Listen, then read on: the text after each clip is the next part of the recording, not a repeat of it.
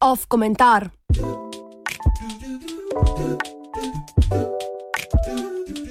Ameriška levica teče dolge proge.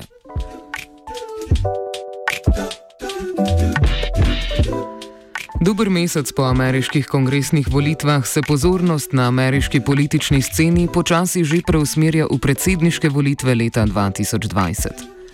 Čeprav se za evropske razmere zdi absurdno ukvarjati se z volitvami skoraj dve leti vnaprej, ameriški predsedniški kandidati vedo, da je treba začeti zgodaj. To še posebej velja za demokratske kandidate, ki upajo, da bodo dobili priložnost tam, kjer je Hillary Clinton spodletelo. Teh kandidatov bo v tem ciklu toliko kot še nikoli. In njihov prvi preizkus bodo strankarske volitve v zvezdni državi Iowa, ki so na vrsti že čez dobro leto.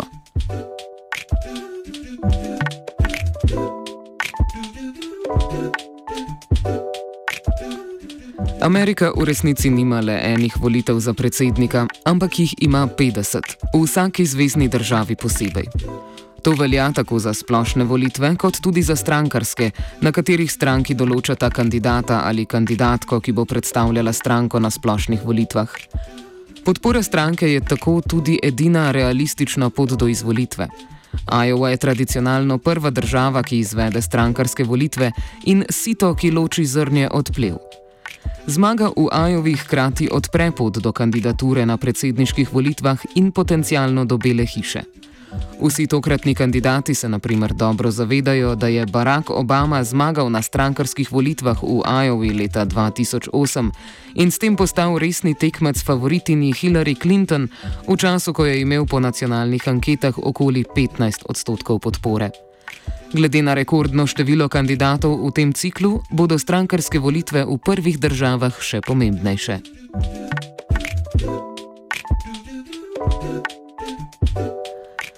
Progresivno krilo stranke se je očitno naučilo, da se je treba volitev lotiti zgodaj, hkrati pa tudi, da se političnega boja ne sme omejiti na volilne etape. Uspeh kampanje Brnija Sandersa v letu 2016 je okrepil levico v ZDA in v politični proces pripeljal novo generacijo. Članstvo v organizaciji Demokratski socialisti Amerike se je od leta 2015 povečalo skoraj za desetkrat, z 6 na 55 tisoč. Letos pa sta bili kot predstavnici demokratske stranke dve njihovi članici, Aleksandrija Ocasio-Cortez in Rashida Tlaib, izvoljeni v predstavniški dom.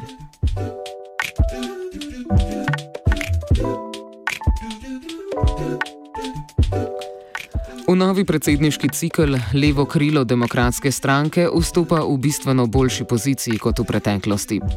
Morda najpomembnejši razlog za to je, da jim je uspelo diskreditirati ugled političnih fondov, tako imenovanih superpekov.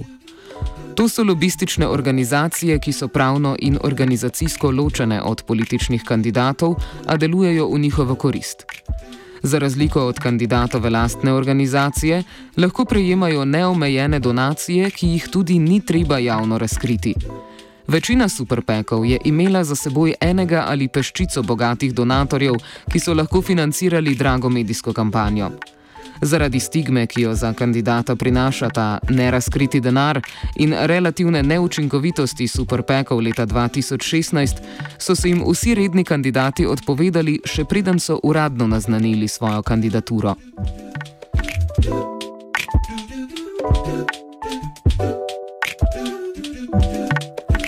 Še vedno obstajajo alternative. Ena je doniranje strank kot taki in ne kandidatu.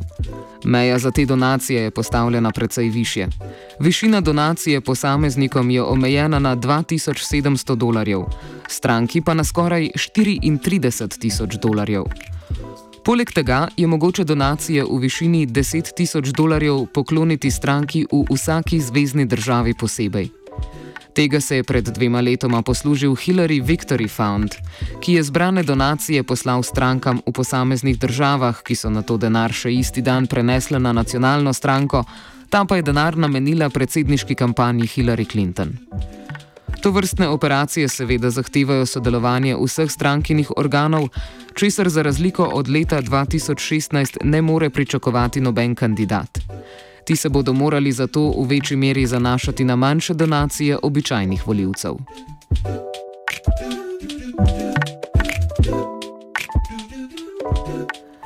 Javne kampanje sramotenja politikov, ki so blizu močnim finančnim interesom, so bile zelo uspešne. Najvidnejša žrtev do sedaj je verjetno bivši guverner Massachusettsa Deval Patrick, ki je že lani začel zbirati podporo političnih operativcev, ki so predtem delali v Obamovem kabinetu. Ko so se v medijih lani pričele pojavljati dobro tempirane zgodbe, da se Patrick pripravlja na kandidaturo in da ima podporo Obame in njegovega tima, je temu takoj sledila kontranarativa v levo usmerjenih medijih o Patrickovem delu za sklad zasebnega kapitala, ki ga je opravljal, potem ko je zapustil politično funkcijo. Patrick je prejšnji teden naznanil, da ne namerava kandidirati. Medijska sodba te odločitve pa je bila, da se je ustrašil pojasnjevanja svojih finančnih povezav.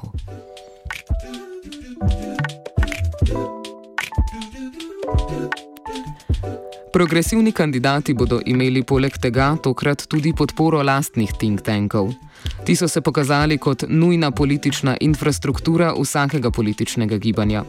V ZDA namreč zakonodaje ne pripravlja stalna birokracija na ministrstvih, ampak pisarne kongresnikov in Bela hiša. Predsednik poleg tega imenuje okoli 5000 uradnikov v izvršilni veji oblasti. Think tanki so bazen, iz katerega se rekrutira kader za te naloge. Poleg tega iz teh organizacij prihajajo tako imenovane talking heads, govoreče glave, ki zagovarjajo politične programe kot strokovnjaki v televizijskih oddajah.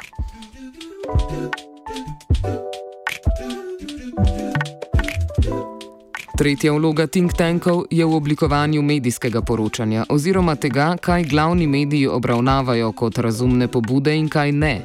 Na ta način so se v mainstream prebile naprimer progresivne ideje o reguliranju monopolov, še posebno med internetnimi in tehnološkimi podjetji, ki so sicer blizu neoliberalnemu centru demokratske stranke.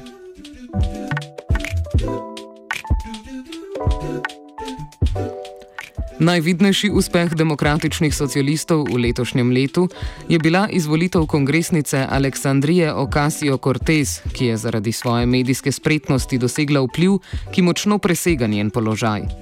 Ocasio Cortez je med drugim zlezla v glavo konzervativnim medijem, ki ji posvečajo obsesivno pozornost.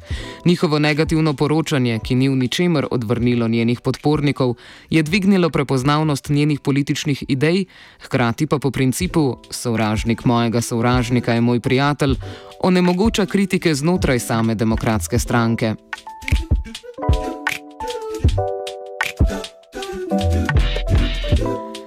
Največjo pomoč levemu krilu demokratske stranke pa je verjetno pojav levičarskih medijev.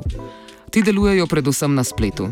To so naprimer The Intercept, Young Turks, Splinter in Now This. Iz teh medijev je bilo na to nekaj novinarjev rekrutiranih tudi v mainstream medije, ki menijo, da morajo za nje pisati kolumnisti različnih političnih orientacij.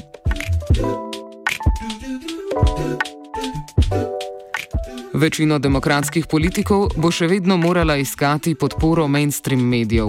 Za razliko od republikanske volilne baze, ki v njih vidi zaroto liberalcev, je ugled, s tem pa tudi velik vpliv mainstream medijev v demokratski bazi še vedno velik.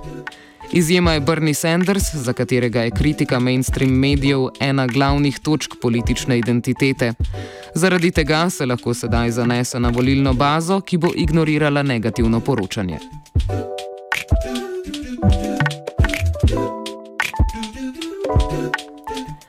Uspehi pa so spremenili tudi značaj ameriške levice.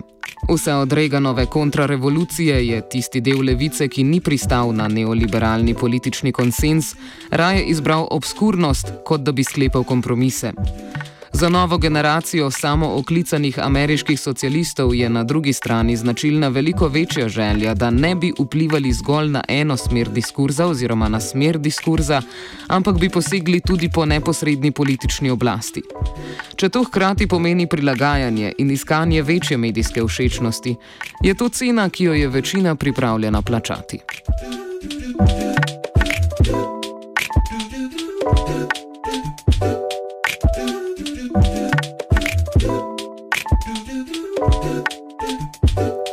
Komentiral je Gal.